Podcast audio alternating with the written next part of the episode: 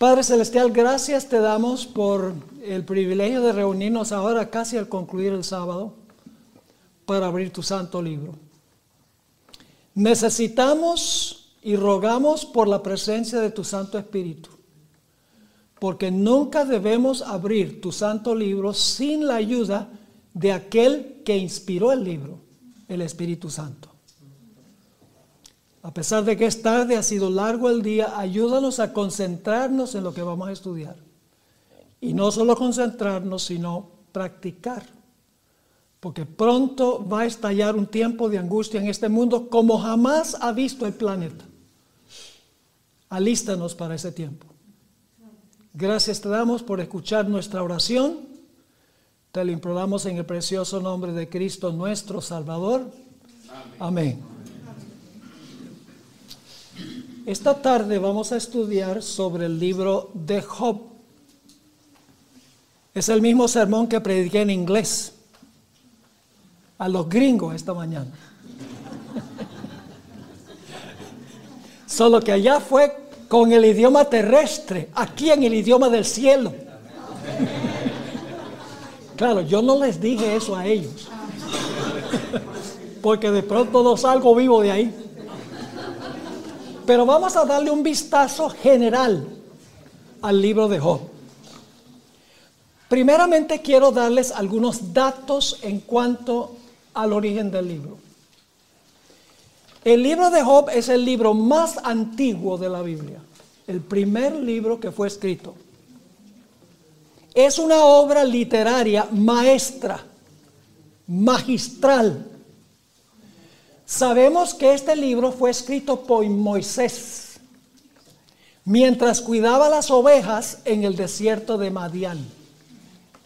Por eso sabemos que es el primer libro del Antiguo Testamento que fue escrito. La historia del libro de Job se realiza más o menos dos mil años antes de Cristo, en la época patriarcal. Pero el libro fue escrito por Moisés unos 500 años más tarde, aproximadamente 1500 años antes de Cristo.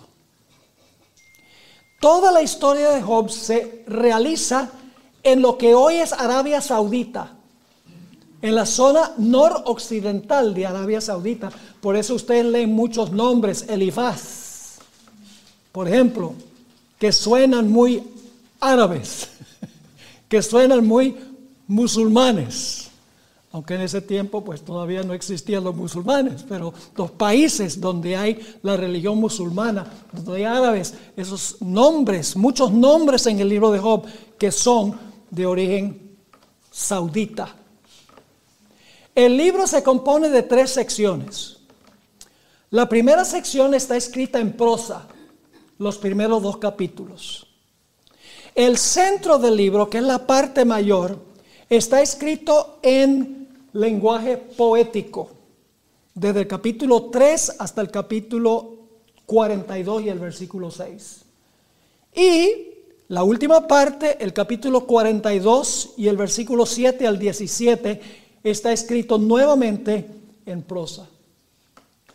Ahora, el tema central del libro no es ¿Por qué sufren los justos? Tampoco es la necesidad de perseverar en medio de la aflicción y el sufrimiento. Eso está incluido, pero no es el tema central. El libro describe un proceso judicial. Es decir, lo que está ocurriendo en el libro de Job es un juicio. Porque tenemos todos los elementos de un juicio. Tenemos un acusador o un fiscal. Tenemos un abogado defensor, que es Dios. Tenemos un juez que es el mismo Dios, porque en el Antiguo Testamento no había un abogado defensor y un juez. El juez debía defender a los que tenían razón. Además de eso, hay un jurado que se conoce como los hijos de Dios los representantes de los mundos que nunca pecaron en el concilio celestial. Hay un acusado. El acusado no es primordialmente Job. El acusado es Dios. como vamos a ver en el proceso del estudio. Continuando, hay un veredicto que se dicta al final del libro. Un veredicto basado en la historia. Y luego hay la recompensa final, tanto para el que afligió a Job como para Job también. Es decir, este libro lo que es es un juicio que está ocurriendo. Está lleno de lenguaje legal. Déjenme darles un ejemplo. Job 16 y el versículo 19. Job 16 y el versículo 19. Aquí Job está hablándole a Dios y fíjense lo que dice.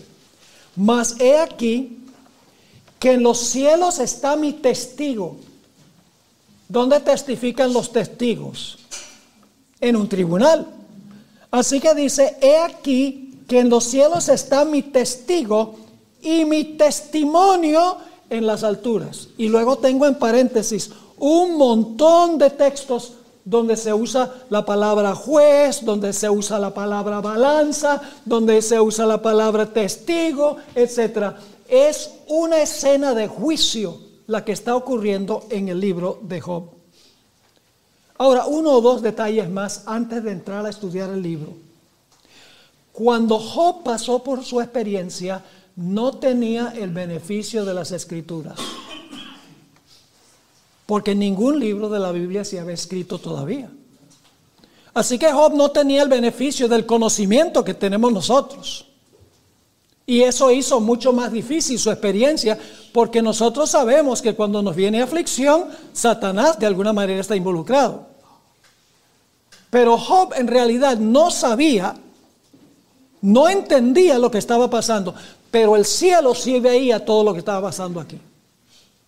En la tierra no se veía lo que estaba pasando en el cielo y en el cielo se veía lo que estaba pasando en la tierra. Todo el universo celestial estaba observando lo que estaba sucediendo. El libro de Job no solamente es un juicio, sino que también es un drama de la vida real. No es una historia imaginada, no es meramente una obra literaria, sino es en realidad un drama de la vida real que ocurrió en verdad. Es un drama que oscila entre el cielo y la tierra. Quiero que se imaginen un teatro, no estoy hablando de un cine, un teatro donde hacen producciones en vivo. Se abre el telón y el drama comienza en la tierra. Vamos a Job 1, versículo 1 al 3. Job 1 y el versículo 1 al 3. Aquí vemos que Job era un hombre muy próspero, rico. Dice en Job 1 y el versículo 1 al 3. Hubo en tierra de Uz un varón llamado Job. Y era este hombre perfecto y recto, temeroso de Dios y apartado del mal. Y le nacieron siete hijos y tres hijas. En la Biblia, la cantidad de hijos es señal de la bendición de Dios. Muy bendecido. Tenía siete hijos y tres hijas.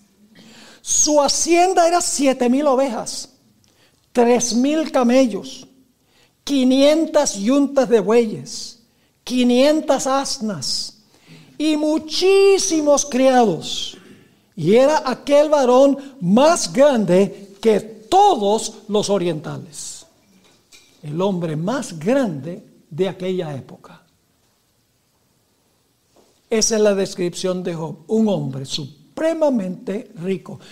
Pero hay un punto muy importante. Y es que Job no solamente era rico, sino espiritual una combinación rara. Muy rara esa combinación. Noten lo que dice Job 1 y el versículo 1 y luego vamos a leer los versículos 4, 5 y 8. Hubo en tierra de Uz un varón llamado Job y era este hombre que perfecto, ¿qué más? Y recto, ¿qué más? Temeroso de Dios y apartado del mal. ¿Era espiritual el hombre? Sí, era espiritual. Ahora, Esto lo está escribiendo Moisés. Pero más adelante vamos a ver que Dios repitió estas mismas palabras. Vienen de los labios de Dios, no solamente escrito por Moisés. Vamos al versículo 4.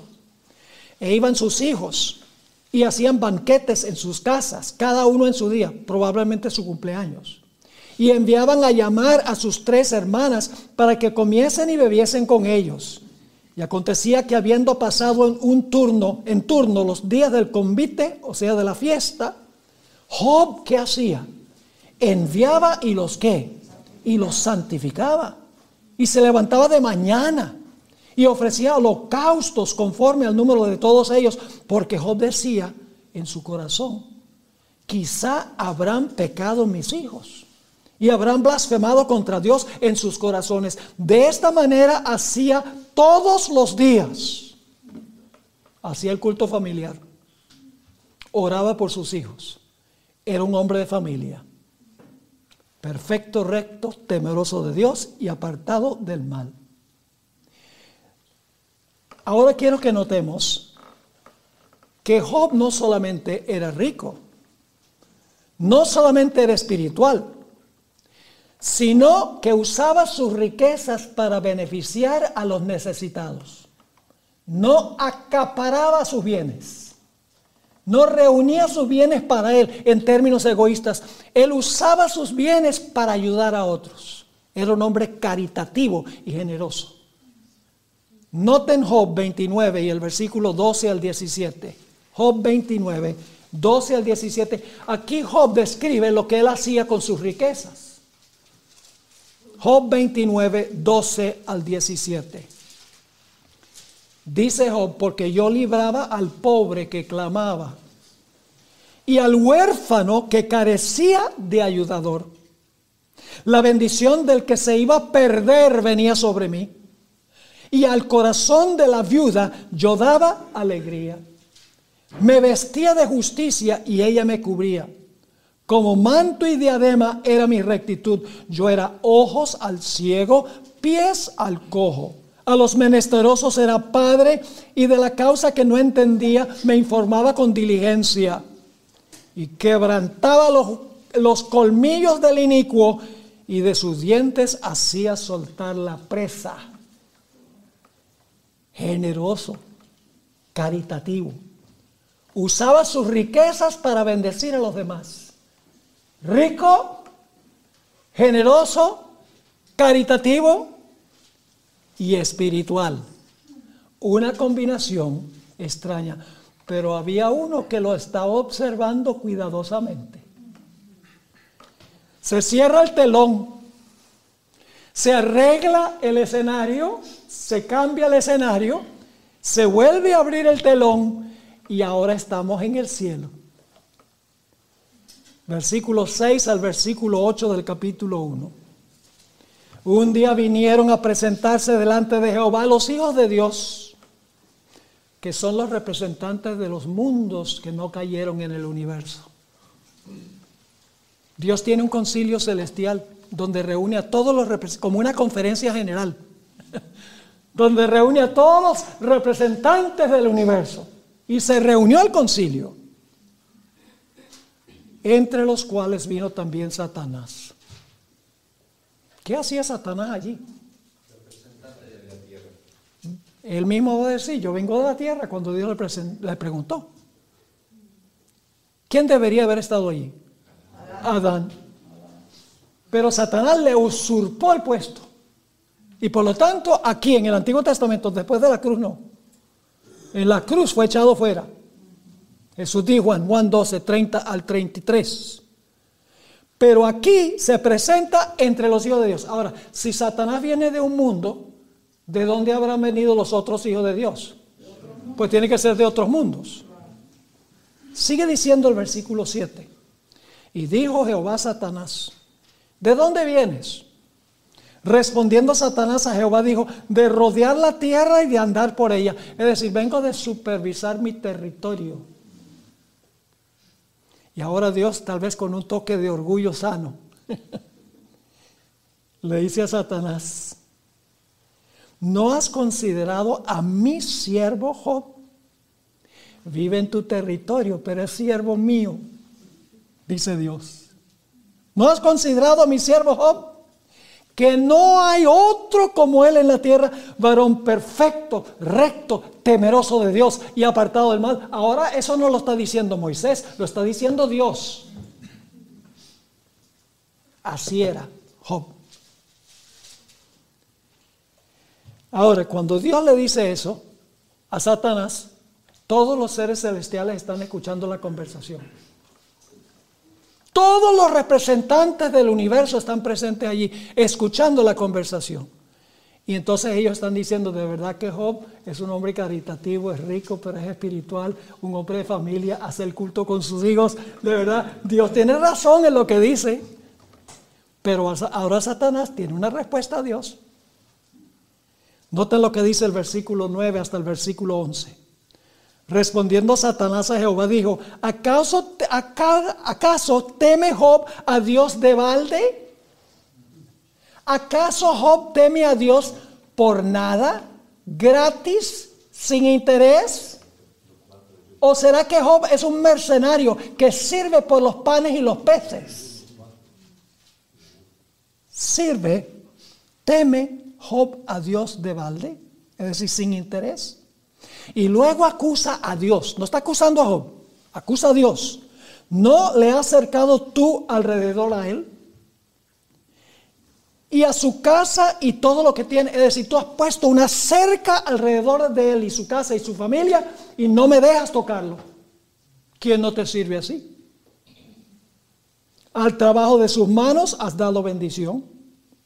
Por tanto, sus bienes han aumentado sobre la tierra. Ah, pero extiende ahora tu mano y toca todo lo que tiene y verás si no blasfema contra ti en tu misma presencia. Mejor traducción es en tu propia cara. Y todos los representantes del universo están escuchando.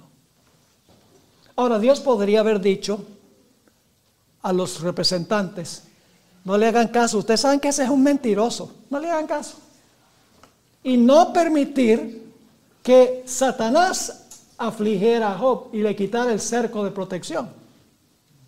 Pero los seres celestiales hubieran pensado, de verdad que Dios ha puesto una cerca alrededor de Job, ha prosperado todos sus caminos, y de verdad que Job sirve a Dios. ¿Quién sabe si sirve a Dios por interés? De verdad que Dios no ha permitido que Satanás lo aflija. Así que ahora Dios, ante todos los representantes del universo, le dice a Satanás algo muy interesante. Se encuentra en el versículo 12. Dijo Jehová a Satanás, he aquí todo lo que tiene, es decir, sus posesiones, todo lo que tiene está en tu mano solamente no pongas tu mano sobre él. Y salió Satanás de delante de Jehová. Puedes hacer lo que tú quieras con todo lo que tiene, pero no te permito que lo toques a él. Se cierra el telón. Se reacomoda lo que está en, en el escenario y ahora se abre el telón y estamos otra vez en la tierra y nos describe el desastre que vino sobre Job.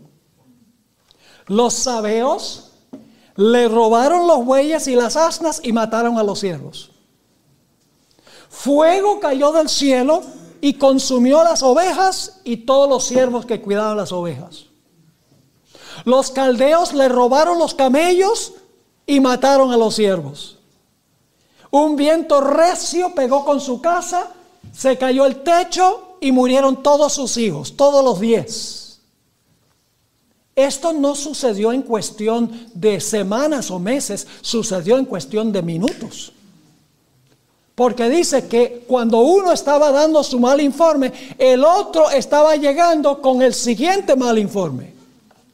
En cuestión de minutos, Job quedó en bancarrota, sin nada. Había perdido bueyes, asnas, ovejas, camellos, siervos e hijos. No tenía dónde caerse muerto. Y todo el cielo está observando lo que está pasando y se están preguntando, ¿blasfemará Job a Dios?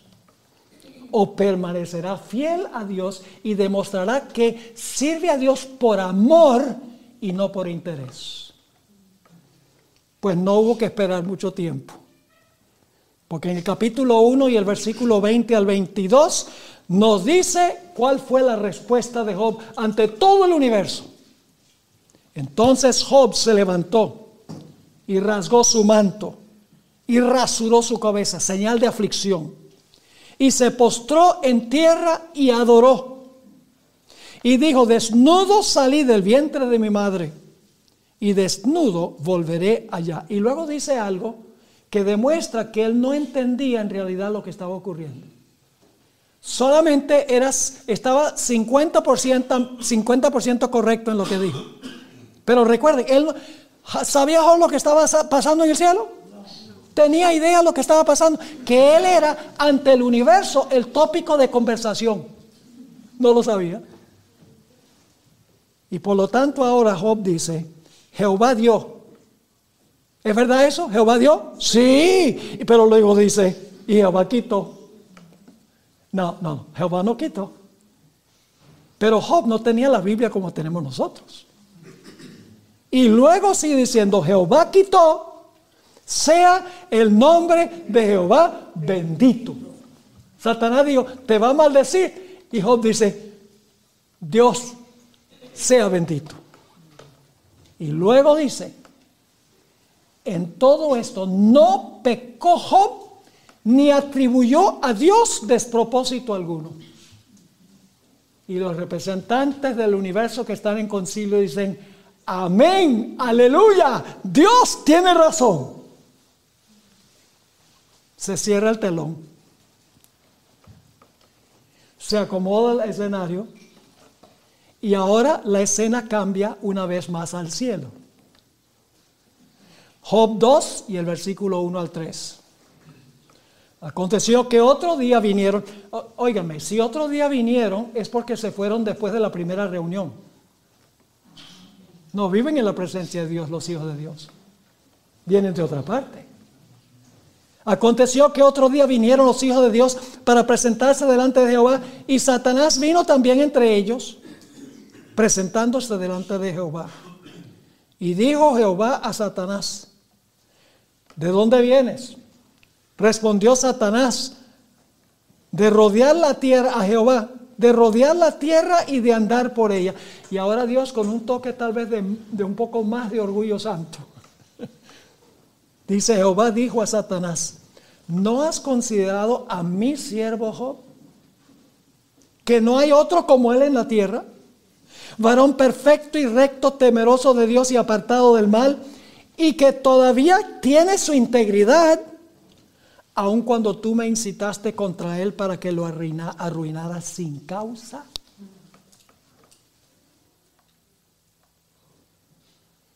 Ahora Satanás tiene una respuesta a Dios. Le va a decir a Dios, pues claro que todavía te sirve. Cualquiera está dispuesto de entregar todo lo que tiene con tal que se le preserve la vida. Nota lo que dice los versículos 4 y 5. Respondiendo Satanás dijo a Jehová, piel por piel, todo lo que el hombre tiene dará por su vida. Es decir, no me dejaste tocarlo a él. Mas ahora, extiende tu mano y toca su hueso y su carne, y verás si no blasfema contra ti en tu misma presencia, que se puede traducir también en tu misma cara. Ahora Dios podría haberle dicho a los seres celestiales, ya ustedes vieron que es un mentiroso, Job todavía me sirve. Pero los seres celestiales están pensando, de verdad que Dios permitió que le quitara todo, pero no permitió que lo atacara a él. ¿Quién sabe si tocándolo a él, Satanás tiene razón? Y por lo tanto, ahora Dios dice en el versículo 6, y Jehová dijo a Satanás, he aquí, él está en tu mano, mas guarda su vida. Claro, si lo mata, ya la prueba se acabó. Pero dice, puedes afligirlo como tú quieras. Se cierra el telón. Satanás viene a la tierra y ahora, después de acomodar el escenario, ahora estamos otra vez en la tierra. Se abre el telón. Y ahora Job va a perder su salud. Noten los capítulos 2 y el versículo 7 y 8. Capítulo 2, 7 y 8. Entonces salió Satanás de la presencia de Jehová e hirió a Job con una sarna maligna, desde la planta del pie hasta la coronilla de la cabeza.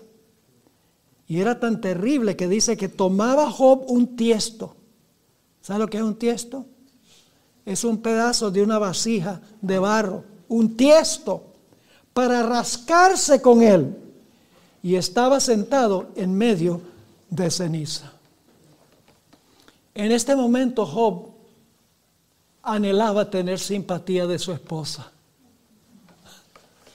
Pero ahora se le vuelca en contra a la esposa. Noten lo que dice los versículos 9 y 10. Entonces le dijo su mujer, ¿aún retienes tu integridad? Maldice a Dios y muérete. ¿De quién era instrumento ella? ¿Qué había dicho Satanás? Que te va a maldecir a tu qué? A tu rostro. La esposa está, está diciendo, maldice a Dios y qué? Y muérete. Y él le dijo, como suele hablar cualquiera de las mujeres fatuas, has hablado. ¿Qué? ¿Recibiremos de Dios el bien y el mal no lo recibiremos? En todo esto no pecó Job con sus labios. ¿Todavía tenía su integridad?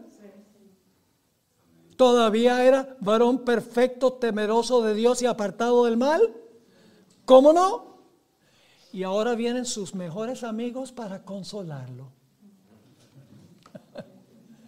No tenga versículo 11 al 13.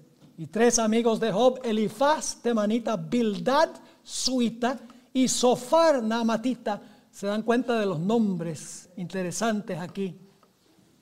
Luego que oyeron todo este mal que le había sobrevenido, vinieron cada uno de su lugar porque habían convenido en venir juntos para condolerse de él y para consolarle. Los cuales alzando los ojos desde lejos no lo conocieron y lloraron a gritos y cada uno de ellos rasgó su manto y los tres esparcieron polvo sobre sus cabezas hacia el cielo. Es señal de una profunda aflicción por lo que está pasando con Job. Así se sentaron con él en tierra por siete días y siete noches y ninguno le hablaba palabra porque veían que su dolor era muy grande. ¿Qué es lo que ha perdido Job? Ha perdido todas sus posesiones materiales, ha perdido a sus hijos, ha perdido a sus siervos, ha perdido su salud, ha perdido el, el apoyo de su esposa, ha perdido el apoyo de sus mejores amigos porque la historia sigue y nos dice que los amigos se convirtieron en acusadores de Job. Ya no lo estaban consolando, sino que lo estaban acusando, diciendo, tú eres un gran pecador, por eso te está pasando esto. Y otro le dice, ¿cómo tú crees todavía en Dios? Olvídate de Dios. Se convirtieron en instrumentos de Satanás para desanimar a Job. Y saben que más adelante en el libro dice que las naciones circundantes que antes admiraban a Job, ahora le escupían en el rostro y lo escarnecían. Ni siquiera las naciones ya respetaban a Job por lo que estaba pasando. Ahora, a fin de comprender el resto del libro, es indispensable recalcar que Job tenía un conocimiento incompleto de Dios. No tenía ninguna revelación escrita, no tenía el conocimiento que nosotros tenemos. ¿Qué era lo único que le quedaba a Job? La relación con su amigo íntimo, Dios. Él piensa, por lo menos, tengo a Dios, mi mejor amigo, el que me ha prosperado. Pero ahora parece que Dios también lo ha desamparado.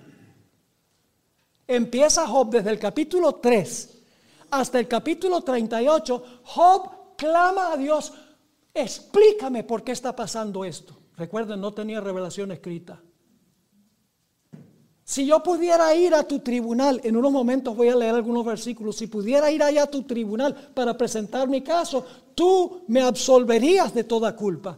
¿Por qué me has abandonado? ¿Qué he hecho yo para que tú me desampares? Nos hace pensar de lo que dijo Jesús en la cruz. Dios mío, Dios mío, ¿por qué me has desamparado?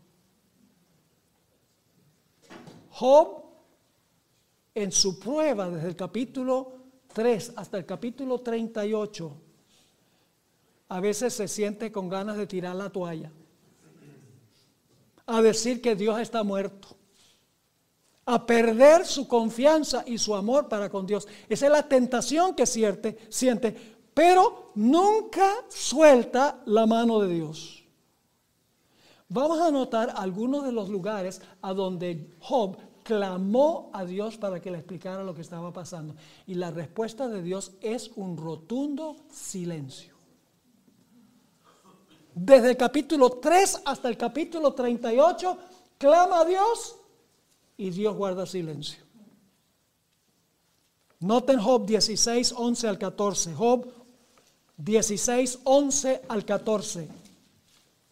Dice aquí Job, Dios me ha entregado al mentiroso.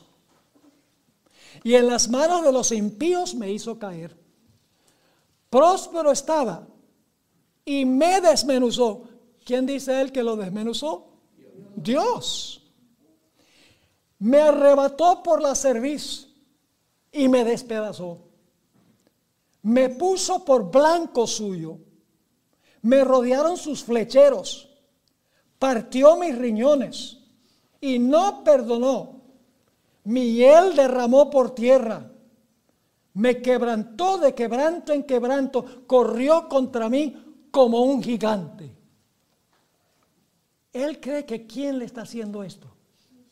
Él cree que Dios es el que le está haciendo esto porque no tenía el conocimiento necesario para saber cuál era lo que era lo que estaba pasando en el concilio celestial. Al final del libro ya su tono va a cambiar, como veremos. Noten los versículos 16, 17 y luego el versículo 20. Dice Job, mi rostro está inflamado con el lloro y mis párpados entenebrecidos a pesar de no haber iniquidad en mis manos y de haber sido mi oración pura. Disputadores son mis amigos, los tres. Mas ante Dios derramaré mis lágrimas. ¿Todavía Job tiene su integridad aquí?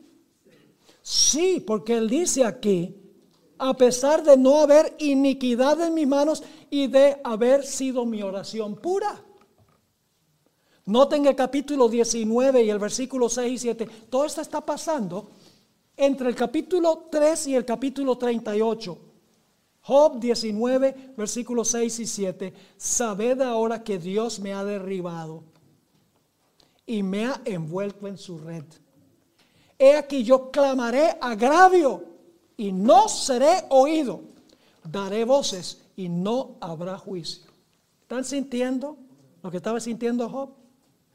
Note los versículos 9 al 11 del mismo capítulo. Me ha despojado de mi gloria y quitado la corona de mi cabeza. Me arruinó por todos lados y perezco. Y ha hecho pasar mi esperanza como árbol arrancado. Hizo arder contra mí su furor. Me contó para sí entre sus enemigos. Dice, ¿por qué es que Dios se convirtió en mi enemigo? ¿Por qué está pasando todo esto? Si yo pudiera ir a donde está Dios y explicarle mi caso, Él vería mi punto de vista y me absolvería. Noten el capítulo 23 y el versículo 3 al 9, capítulo 23 y el versículo 3 hasta el versículo 9. Solamente les estoy dando algunas muestras de, de la lucha de Job sin tener la información. Dice en Job 23, versículo 3, ¿quién me diera el saber dónde hallar a Dios? Yo iría hasta su silla, si supiera dónde conseguirlo, iría hasta su silla, expondría mi causa delante de él y llenaría mi boca de argumentos. yo sabría lo que él me respondiese y entendería lo que me dijera. ¿Contendería conmigo con grandeza de fuerza? No. Antes él me atendería. Allí el justo razonaría con él, es decir, con Dios, y yo escaparía para siempre de mi juez. He aquí yo iré al oriente y no lo hallaré, y al occidente y no lo percibiré. Si muestra su poder al norte, yo no lo veré. Al sur se esconderá y no lo veré. No lo consigo en ninguna parte. No entiendo. ¿Por qué Dios se ha volcado en contra mía? ¿Creen ustedes que si, hubiera, que si Job hubiera sabido lo que estaba pasando, hubiera sido mucho más fácil la prueba? Que él era el tópico de conversación y que él, si permanecía fiel, iba a vindicar lo que Dios dijo en el cielo. Iba a hacer quedar bien a Dios en el cielo. Hubiera sido mucho más fácil su prueba.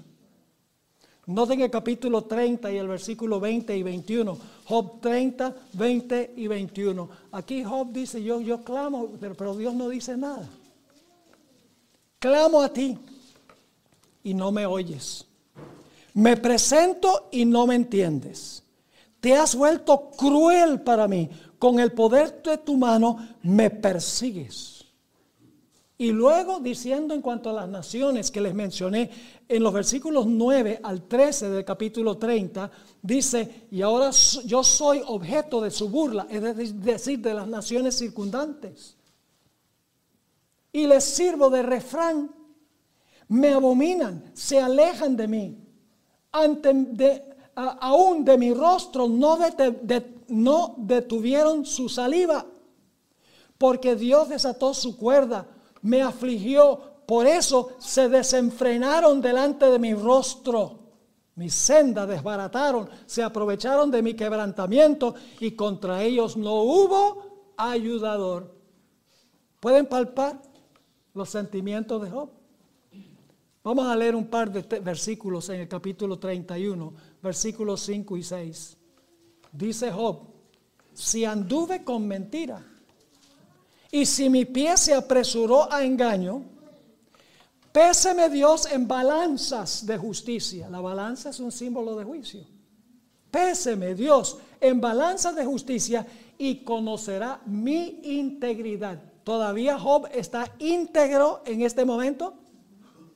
¿Ha abandonado a Dios? ¿Ha blasfemado a Dios? ¿Ha apostatado de Dios?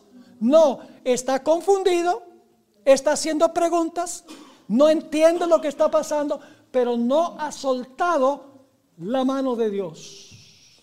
Noten el capítulo 31 y el versículo 35. ¿Quién me diera, quién me oyese? He aquí mi confianza es que el omnipotente testificaría por mí, aunque mi adversario me, forma, me forme proceso. Ahora, a pesar de que Job tenía estas preguntas y clamaba a Dios para que Dios le explicara lo que estaba pasando y no comprendía, hubo momentos en que él manifestó gran fe. Es como Jesús. Jesús dice, Dios mío, Dios mío, ¿por qué me has desamparado? Y luego enseguida dice, en tus manos encomiendo mi espíritu. Tuvo momentos de gran fe, Job. Es decir, en un tiempo estaba en el valle y en el otro tiempo estaba en el monte. Vamos a anotar algunos de esos ejemplos. Job 13 y el versículo 15. He aquí, aunque Él me matare, en Él esperaré. Aunque tenga que morir, todavía voy a esperar en Él. Defenderá, defenderé delante de Él mis caminos. Él, lo que él no sabe es que él ya tiene un defensor en el cielo, porque no sabe lo que está pasando allá. Noten Job 14, 14 y 15. Hace la pregunta, si el hombre muriere, ¿volverá a vivir? Todos los días de mi edad esperaré hasta que venga mi liberación. Está hablando de la resurrección aquí. Entonces llamarás y yo responderé. Tendrás afecto a la hechura de tus manos. Job 19, 25 al 27. Otra vez Job muestra su fe en Dios a pesar de lo que está pasando. Job 19, 25 al 27, Job dice, yo sé que mi redentor vive. Y al fin se levantará sobre el polvo.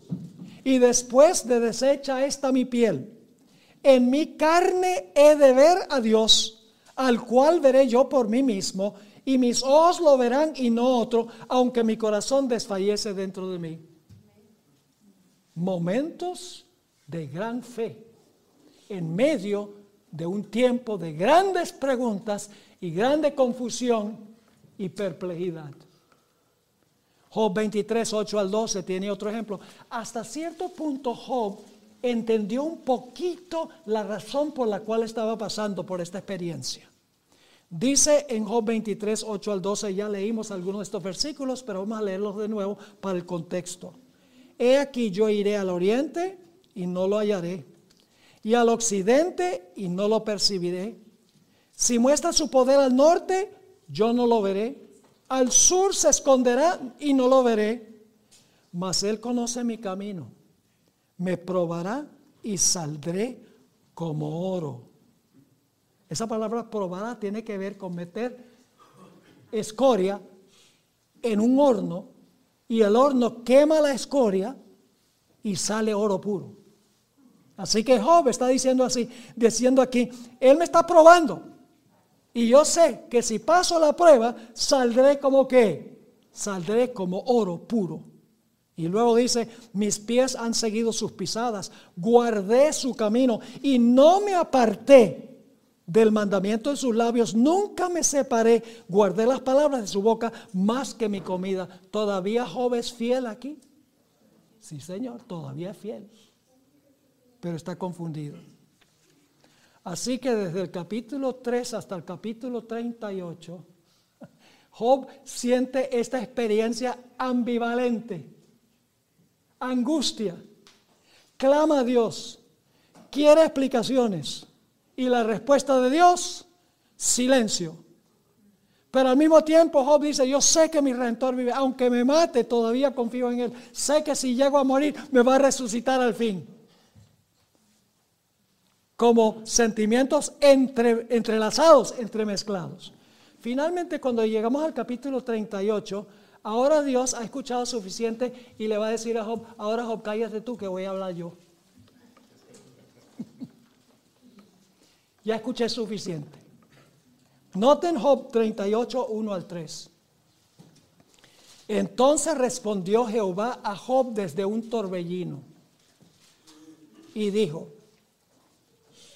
¿Quién es ese que oscurece el consejo con palabras sin qué? Sin ¿Cuál era el problema de Job?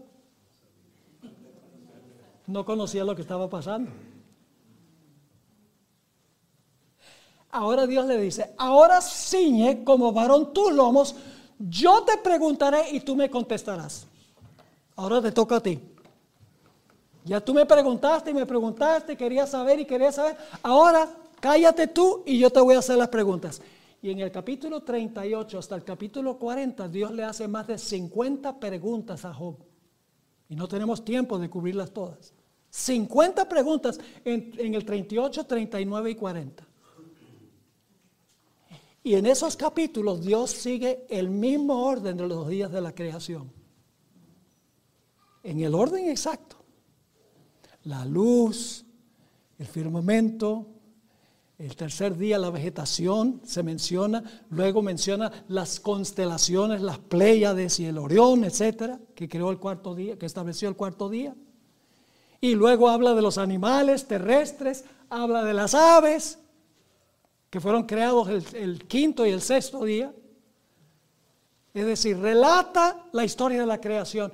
Y por cada cosa que Dios dice, porque Dios le dice, Job, tú estuviste ahí cuando tú, tú estuviste ahí cuando puse los fundamentos de la tierra. Dímelo. Y Job. Y tú estuviste cuando yo hice las constelaciones. Por cada cosa que dice Dios, Job se está volviendo más chiquitico. Más y más pequeño. Y se siente cada vez más insignificante ante la grandeza de Dios. Y en el capítulo 40, versículo 1 y 2, Dios le hace una final pregunta de esta serie de preguntas a Job. Job 41 y 2. Además respondió Jehová a Job y le dijo, ¿es sabiduría contender con el omnipotente? El que disputa con Dios responda a esto. ¿Hay alguna razón, microbio, de que tú estés dispute con el gran Dios omnipotente del universo? ¿Tienes tú, criaturita, el derecho de cuestionar lo que Dios permite? Y después que Dios le hace estas preguntas a Job, ahora Job le contesta a Dios en los versículos 3 al 5. Entonces respondió Job a Jehová y dijo, he aquí que yo soy vil. La palabra vil para nosotros en español significa algo malo, una persona inicua. Pero la palabra vil aquí significa insignificante. He aquí que yo soy insignificante. ¿Qué te responderé? Sigue diciendo, mi mano pongo sobre mi boca. Es decir, me callaste. Una vez hablé, mas no responderé. Aún dos veces, mas no volveré a hablar. Dice, ahora no hablo más, pero volvió a hablar. Y tenemos que ver a dónde volvió a hablar. En unos momentos lo vamos a notar. Está diciendo Job, mis hermanos y hermanas, le está diciendo a Dios, tú tienes razón. Yo soy el que estoy equivocado. ¿Quién soy yo, miserable gusano humano, para exigirte respuestas a ti? Dios me has tapado la boca. El universo no gira alrededor de mi persona. ¿Quién soy yo para exigirte explicaciones? No voy a hablar más. Ahora, recuerden que mencioné que Satanás parece desaparecer del libro. Los que han estudiado el libro de Job dicen, qué injusticia esto. Porque los principales actores al principio del libro reaparecen al final. Debería haber mantenido aquí tranquilo, hermano, que es que me siento, ah, me siento enjaulado como un león.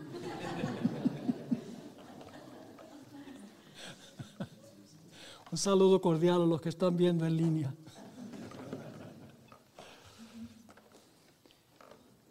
Dicen, pero mire, eh, reaparecen todos los actores principales y el que le causó todo el daño a Job no reaparece, no dice que le pasó nada.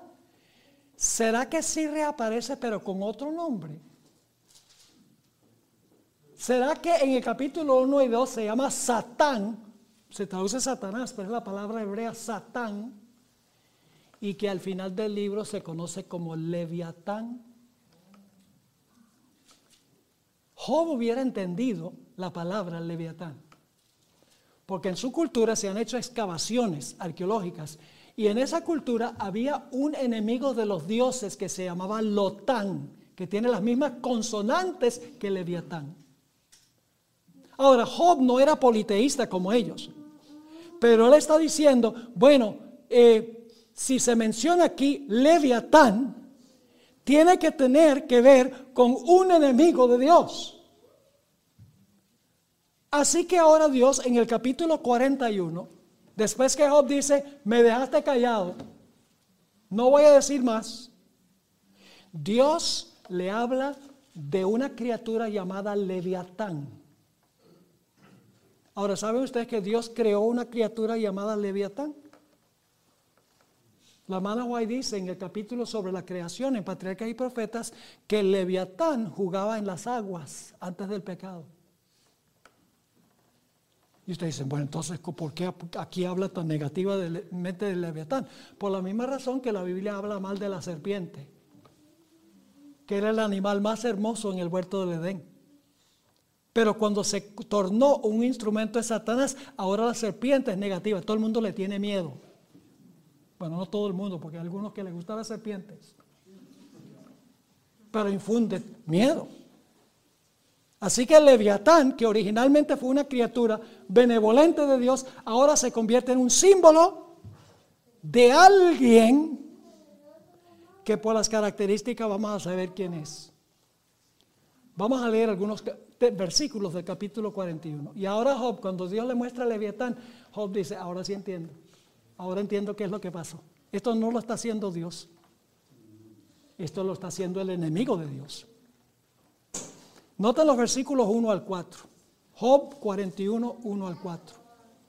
Sacarás, Dios le está hablando a Job, sacarás tú al leviatán con anzuelo o con cuerda que le eches en su lengua. Recuerden que aquí leviatán no es literalmente un animal, el animal se está usando como símbolo de Satanás. Pondrás tú soga en sus narices y oradarás con garfio su ¿puedes tú pescar a Leviatán? ¿Multiplicará él ruegos para contigo? ¿Te hablará él lisonjas?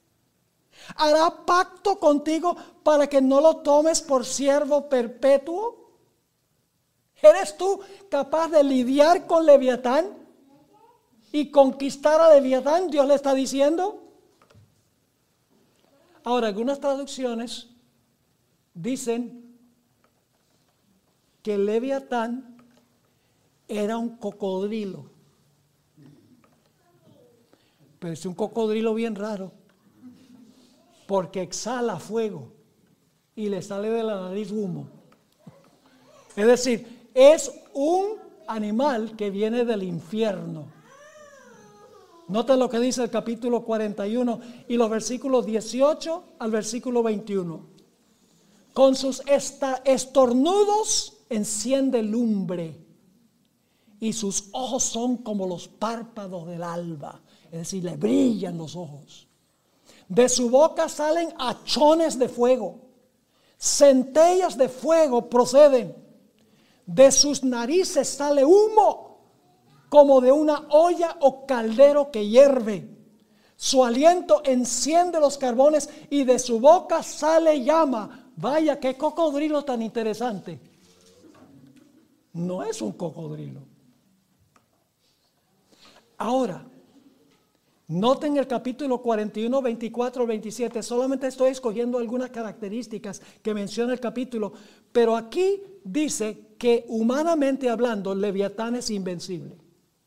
Dice allí, su corazón es firme como una piedra. ¿Qué clase de corazón tiene Leviatán? Un corazón de piedra. ¿Tiene eso algún simbolismo interesante? Hmm. Y fuerte como la muela de abajo, es decir, una, una piedra de molino. De su grandeza tienen temor los fuertes. Y a causa de su desfallecimiento hacen por purificarse.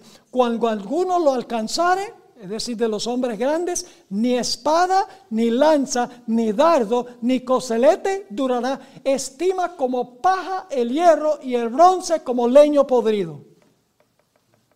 Invencible. Ahora, el versículo 33 y 34 nos da la clave de quién es. Todas estas características indican que este es un animal sobrenatural que humanamente no se puede vencer. Los versículos 33 y 34 nos dicen quién es. Dice Dios al concluir este capítulo, no hay cosa en la sobre la tierra que se le parezca. Es decir, no hay nada que se le presente a este leviatán. Animal hecho exento de qué? Sin temor. Menosprecia toda cosa alta.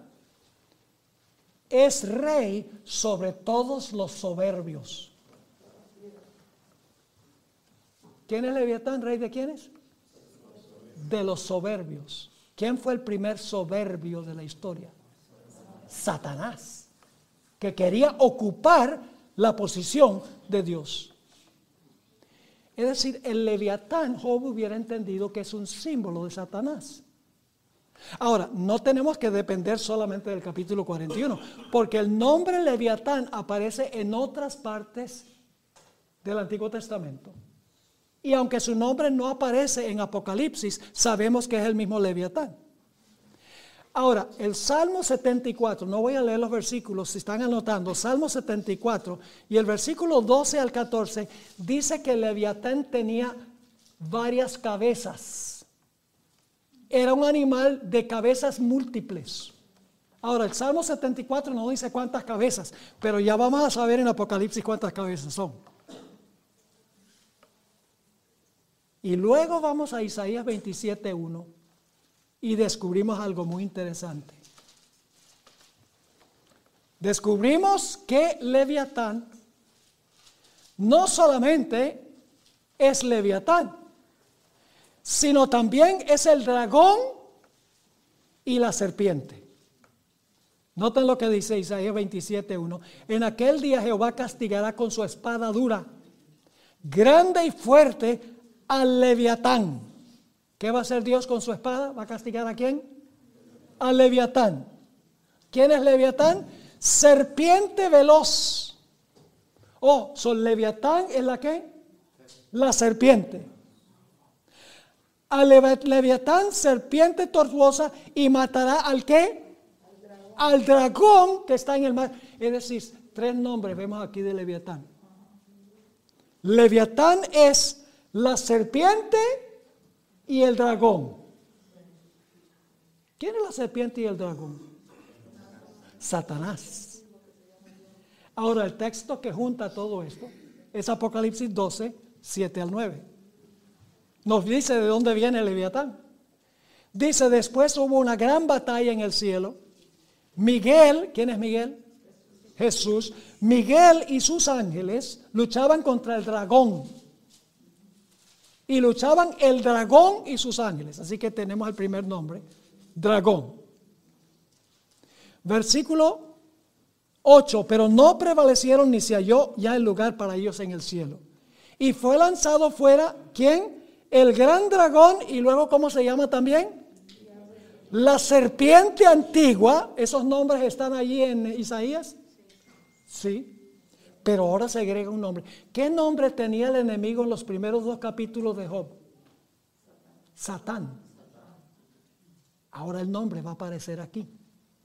Porque dice, fue lanzado fuera el gran dragón, la serpiente antigua que se llama diablo y qué? Y Satanás. ¿Quién es Leviatán cuando juntamos toda la evidencia bíblica?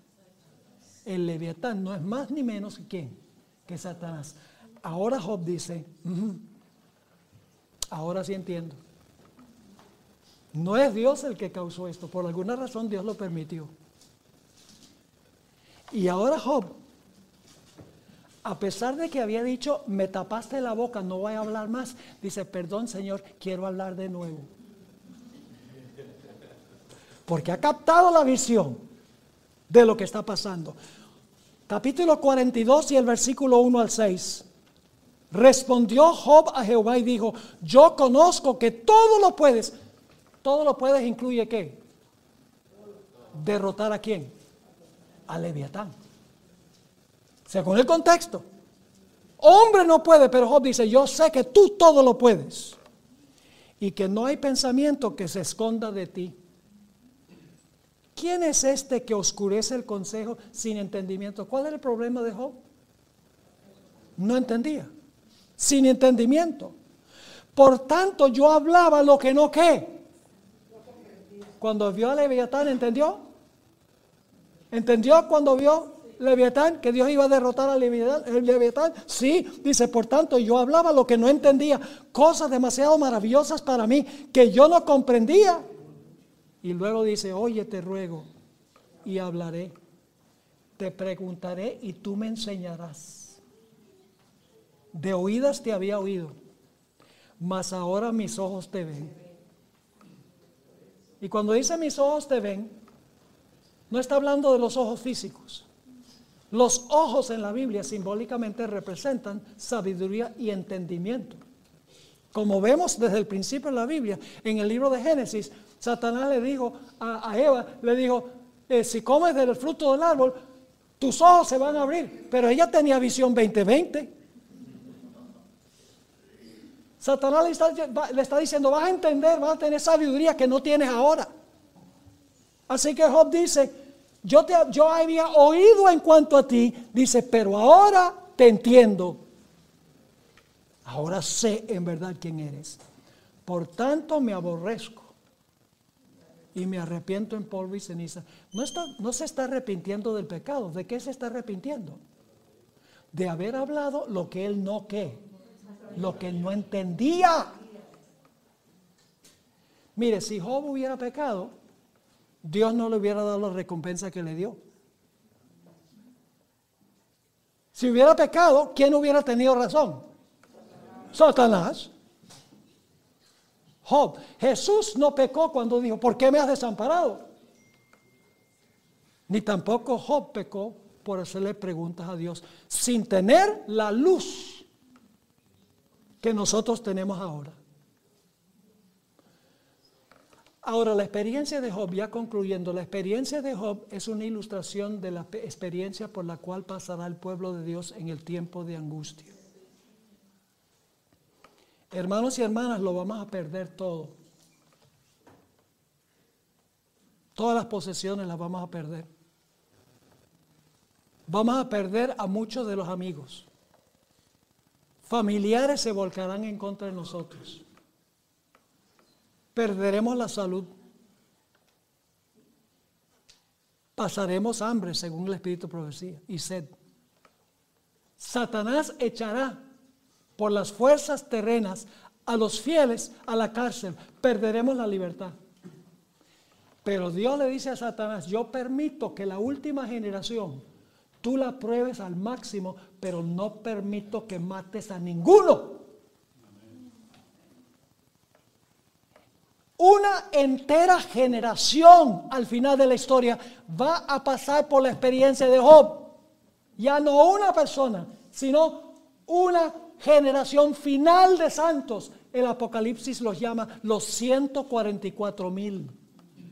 Los que van a pasar vivos por el tiempo de angustia.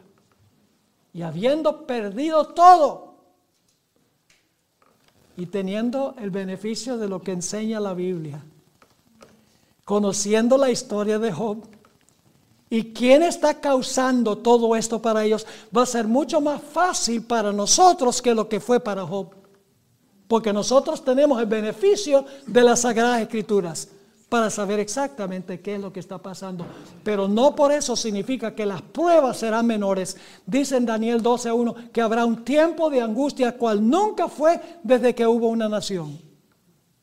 En Mateo 24.21 dice, habrá un tiempo de angustia como jamás se ha visto y jamás se verá. No podemos ni siquiera entender cómo va a ser ese tiempo. Así que no nos aferremos a las cosas materiales. Ahora no es un tiempo de acaparar, es un tiempo de invertir. La hermana White dice que todo lo que no invirtamos en la causa de Dios perecerá. Ahora no estoy diciendo que debemos nosotros eh, vender la casa y convertirnos en homeless y que debemos vender el carro y debemos dar, todo a Heartland o a Secrets Unsealed o Zoom TV. No, no estoy diciendo, no hay ningún problema con tener una casa, con tener un automóvil, con tener cierto dinero de reserva en el banco, pero tenemos mucho más de lo que necesitamos. Y la hermana White vio a muchos de los fieles en el tiempo de angustia pequeño tiempo de angustia cuando se va a prohibir comprar y vender y van a estar clamando a Dios y van a decir, ojalá que yo hubiera vendido todas estas propiedades que no necesitaba, que tenía suficiente y no las vendí y ahora no las puedo vender por ningún precio. Se perdieron. Por eso digo, es tiempo de que nosotros hagamos un sacrificio para avanzar la obra de Dios y no acaparar. La hermana White dice que Noé invirtió todo lo que tenía en el arca. Y todo lo que invirtió en el arca se salvó. Mientras que todos los demás estaban acumulando y no solamente perdieron lo que habían acumulado, sino que perdieron sus vidas también. Todo el universo al final de la historia va a estar observando lo que está pasando en la tierra. Cuando se repita la historia de Job. ¿Y ustedes saben qué pasó con Job después de pasar por su prueba? Dios le dio el doble de lo que tenía antes. Ese fue el veredicto. La destrucción de Leviatán por Dios y doble bendición para Job. Y todo el universo dijo, Dios tiene razón. Job sirve a Dios por amor y no por interés. Nosotros tenemos que servir a Dios en lo bueno y en lo malo, en la enfermedad y en la salud, en la prosperidad y en la adversidad, aunque se desplomen los cielos. Porque nosotros sabemos que Dios es un Dios de amor. Tenemos que conocerlo íntimamente y personalmente a Él. Y eso se hace dedicando el tiempo a estudiar su palabra. Y no solo estudiar su palabra, sino dejar a un lado toda esa basura que metemos en nuestra, en nuestra mente. Por lo que vemos en el internet, por las películas que los adventistas ven, que el, mismo, el mundo ve, la música que emociona en la, en la forma equivocada. Cuando nosotros leemos la Biblia y estamos metiendo basura al cerebro, no viene victoria sobre el pecado. La victoria sobre el pecado viene cuando formamos una relación íntima con el Señor a través del estudio de la palabra, a través de la oración y a través de dar un testimonio, a través de la testificación a otros por nuestra vida y por nuestras palabras. Así que hermanos y hermanas, hay un conflicto invisible. Se está escribiendo una historia detrás de la historia, que es el título de nuestra presentación. La verdadera historia no es la que vemos. La verdadera historia es la que está ocurriendo detrás del telón. Una batalla entre Cristo y Satanás. Y Cristo ganará al fin. La pregunta clave es si vamos a ganar con Él. No hay duda que Él ganó. Y finalmente va a ganar. Pero la pregunta clave es, voy a ganar yo con él? Esa pregunta la podemos solo contestar individualmente cada uno de nosotros. Y ojalá que al haber compartido este último tema nos hayamos propuesto de que vamos a cambiar los hábitos de nuestra vida y vamos a dedicarle tiempo a nuestro querido Señor Jesús. Padre Celestial, gracias te damos por esta maravillosa historia de Job, que nos va a animar en los conflictos venideros y que nos anima aún hoy cuando vienen problemas y dificultades y angustias a nuestra vida. Gracias Señor por ser un Dios de amor. Gracias por todas las bendiciones que nos impartes y gracias también por todas las pruebas que nos vienen, que fortalecen nuestra fe. Te pido Señor que bendigas a todos los que estamos reunidos en este lugar. Habla a nuestra conciencia para que formemos esa relación íntima personal con Jesús.